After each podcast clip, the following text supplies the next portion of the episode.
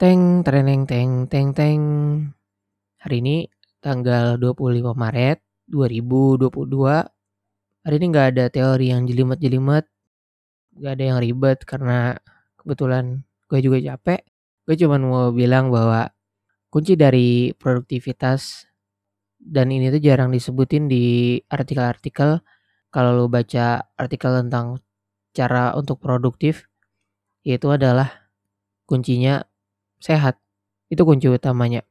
Karena ini pengalaman gue minggu kemarin itu uh, ngerjain tugas terus itu 2-3 hari gue capek banget seharian kayak pergi pagi terus pulang sore terus makan siangnya nggak teratur makan malamnya juga badan udah capek ditambah lagi hujan-hujanan terus awal pekan ini gue sempat sakit dan ya karena sakit ya udah usaha kayak mau produktif gitu mau ngerjain tugas atau apa pun tapi ya badannya nggak bisa badannya nggak bisa diajak kerja sama. Baru bentar duduk depan laptop badannya udah minta rebahan lagi udah perlu istirahat.